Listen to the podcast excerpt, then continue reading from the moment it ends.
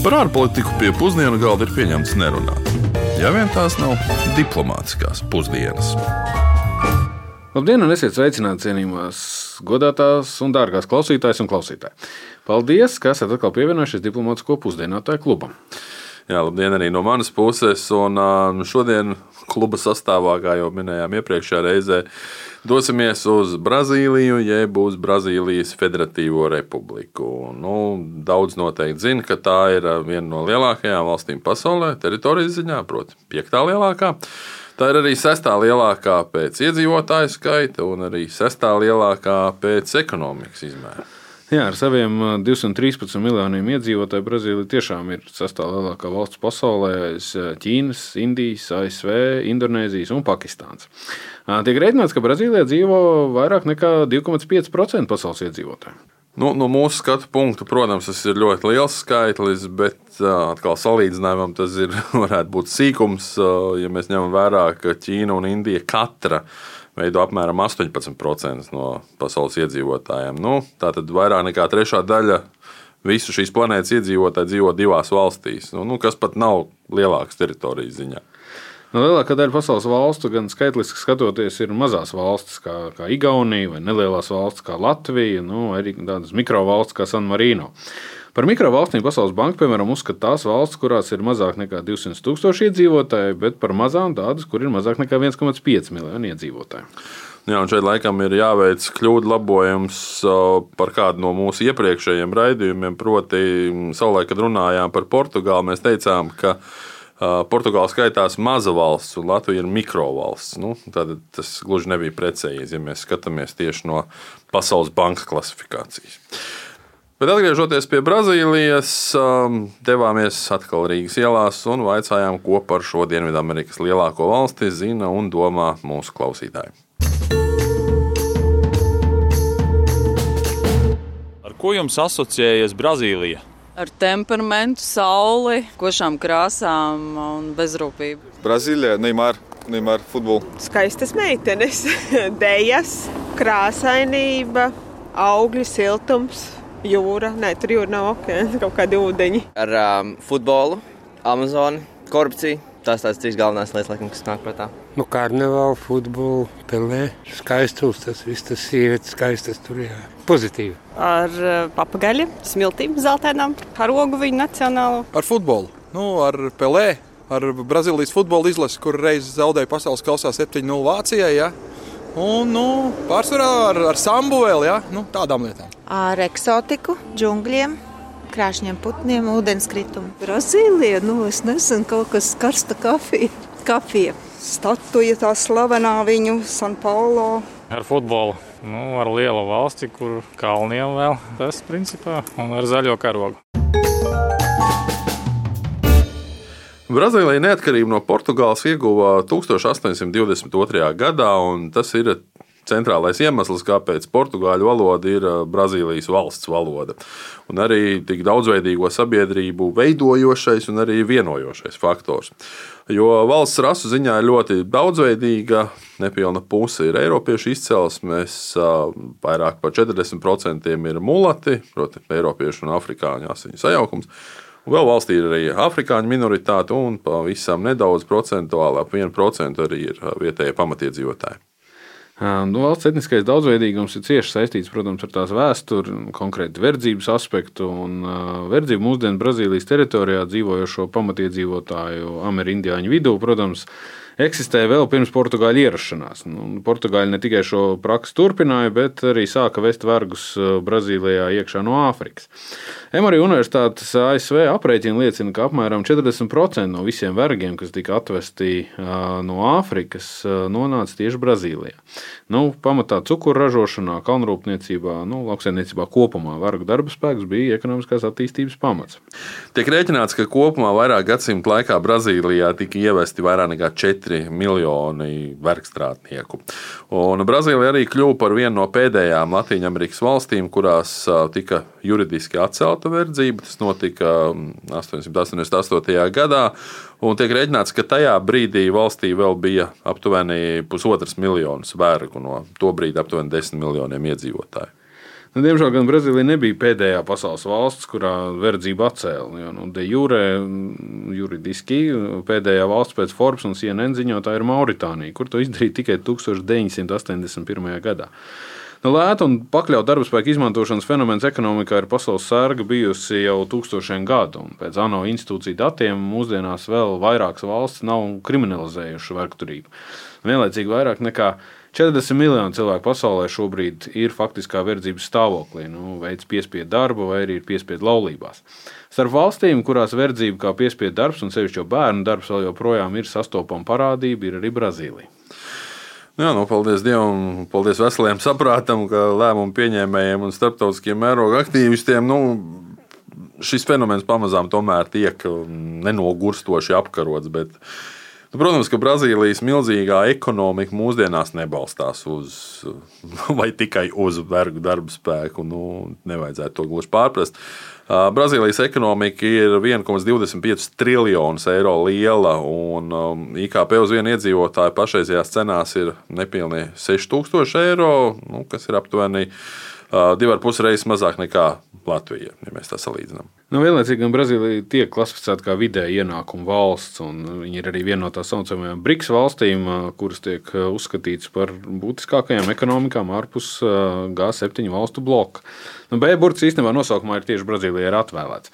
Um, valsts ir arī daļa no G20 veidojuma, un uh, tās ekonomiskais potenciāls un integrācijas līmenis pasaules ekonomiskajos procesos un pasaules preču ražošanas ķēdēs ir diezgan būtisks. Nu, lai ekonomiskās svārstības, kas Brazīlijā notiekās, tiktu uzlūkots ar bažām visā pasaulē. Brazīlija ir arī daļa no Merkosur bloka, jeb dienvidu kopējā tirgus, un tajā bez Brazīlijas ir arī Argentīna, Paragvaja un Urugvaja.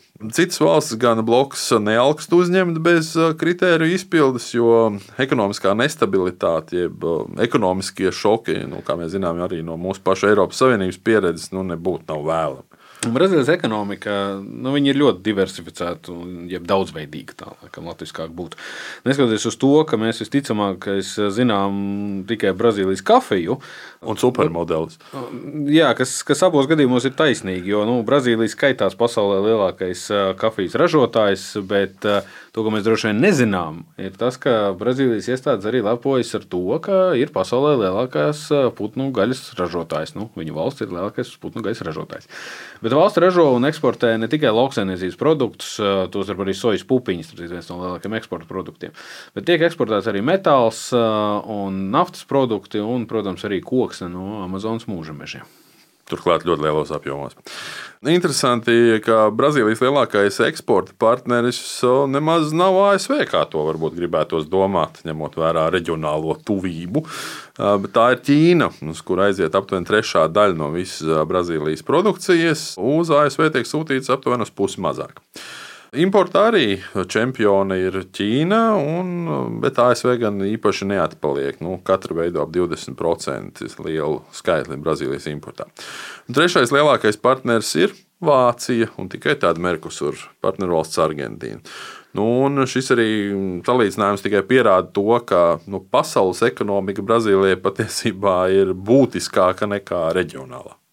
Nu jā, Brazīlija ir būtiska ne tikai pasaules ekonomikā. Nu, tur ir jāņem vērā arī tas, ka Brazīlija kļūst par vienu nozīmīgāku spēlētāju arī pasaules politikā.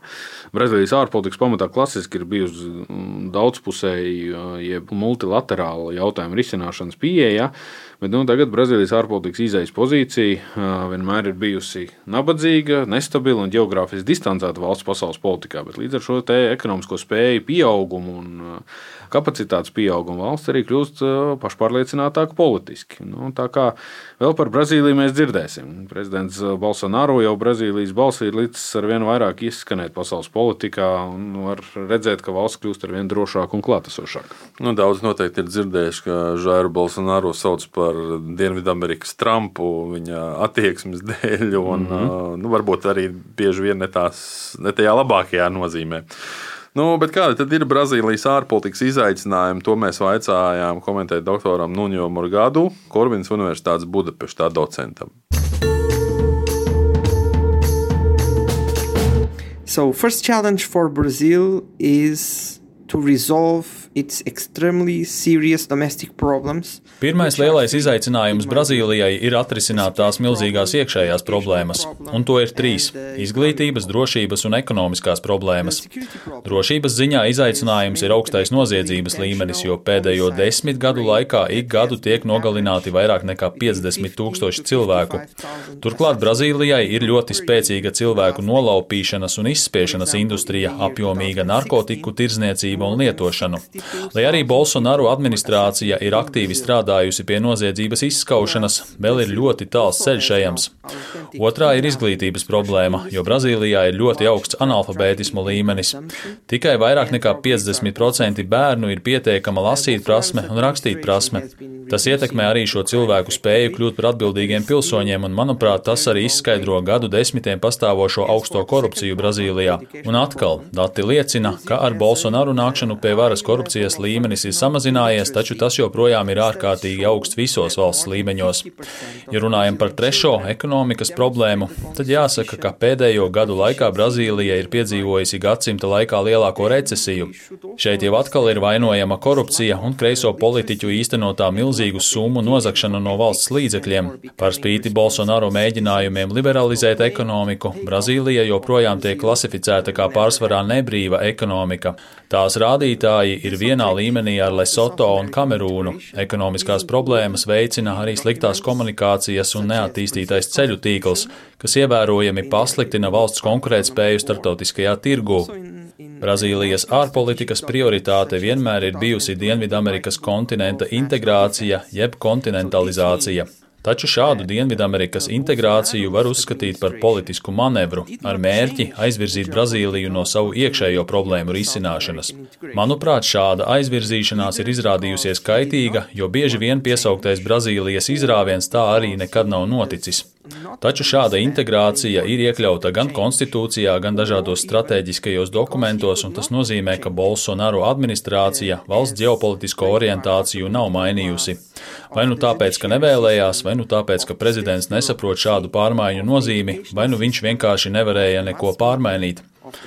Tas tāpēc, ka liela daļa no tieslietu sistēmas, birokrātijas, izglītības sistēmas, medijiem un pat katoļu baznīcas un armijas vadības ir pret Bolsonaru un viņa administrāciju. Tāpēc Bolsonaru atliek paļauties tikai uz iedzīvotāju vairākumu, kamēr opozīcija gan politiskajās aprindās, gan sabiedrībā ir ļoti organizēta. Of the mentioned structures in politics and in the society. Rezumējot, jāsaka, ka Brazīlija ir patiesi, angļuiski runājot, emerging power, jeb briestoša, augošā vara. Nu, ja vien valstī valdošā ienākuma nevienlīdzība, korupcija, arī noziedzība nenogalinās valsts potenciālu, nu, ir pamats ticēt, ka ar Brazīliju nākotnē būs jārēķinās pasaulē ne tikai kā ar futbola lielvalsti. Lai cik būtu paēdis, vienmēr ir vieta arī desertam. Uh, Uģis, starp citu, par abām lietām, ko tu tikko teici, man ir desertam atbilstoši fakti. Respektīvi, pirmais ir tas, ka Brazīlijas moto ir kārtība un progress. Un tas ir domājot par korupciju, noziedzību un ekonomisko izaugsmu. Jā, mūsu raidījumos jau savulaik esam arī uh, intervējuši Brazīļu izcelsmes pētnieku, kas arī pat Latvijā dzīvo Jānu Bērziņu. Jā kurš savulaik mums lekcijā teica, ka, nu, ko jūs te Latvijā satraucaties par jūsu korupcijas līmeni, kāds viņš ir Brazīlijā. Bet tur ir tāda viena nianse, ka cilvēkiem ir ļoti augsts šis korupcijas pieņemšanas, tolerants. tolerants līmenis, jo tas viedoklis esot tāds, nu, lai viņi ņem, tad, kad mēs nāksim pie varas, mēs arī ņemsim. Jā, nu, tas, ir arī, tas ir arī iemesls, kāpēc Brazīlija ir tur, kur viņa, diemžēl, vēl nav izkarpījusies ārā. Bet par futbolu, kur viņi ir izkarpījusies pilnīgi noteikti ārā, un kur viņi ir čempioni un pieckārtīgi čempioni, ir, protams, pasaules kauss. Un, jā, Brazīlija ir uzvarējusi 5 reizes no 31 čempionāta. Izstāst, tev sākus interesēt sekošanas sporta aktualitātēm vai tikai statistikai? Vai? Numeroloģija nedaudz tā kā. Bet um, tāpēc par triperiem turpinot runāt, Brazīlijas likumdošanā esot uh, īpatnējs regulējums, kas man personīgi universitātes mācību spēkam liekas visnotaļ labs izgudrojums. Respektīvi, Brazīlijas federālā līmeņa cietumos, kā ziņo starptautiskais cietuma izglītības tīkls, ieslodzītajiem ir iespēja samazināt savu sodu katru gadu uh, līdz pat 48 dienām, ja tie lasīs grāmatas. Protams, ieslodzītājiem ir četru nedēļu laikā jāizlasa kāda filozofijas vai klasiskās literatūras grāmata un jāuzraksta saturiski, struktūrēta un rūpīgi noformēta esēja par šīs grāmatas saturu. Nu, katra grāmata ļauj eh, samazināt kopējo sodu par četrām dienām.